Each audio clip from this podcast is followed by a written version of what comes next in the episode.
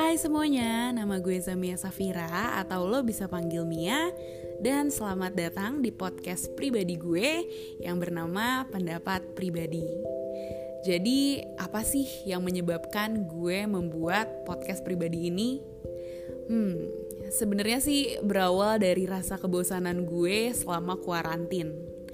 Jadi emang gue tuh anaknya bawel banget dan kadang gue sering banget overthinking gitu. Jadi banyak banget pemikiran di otak tapi nggak ada wadah buat dikeluarin. Akhirnya gue memutuskan oke okay deh gue buat podcast. Dan podcast ini pun for your information cuman pendapat pribadi gue ya. Jadi mungkin mostly isinya akan rentingan dari gue tentang banyak hal. So, semoga lo bisa terhibur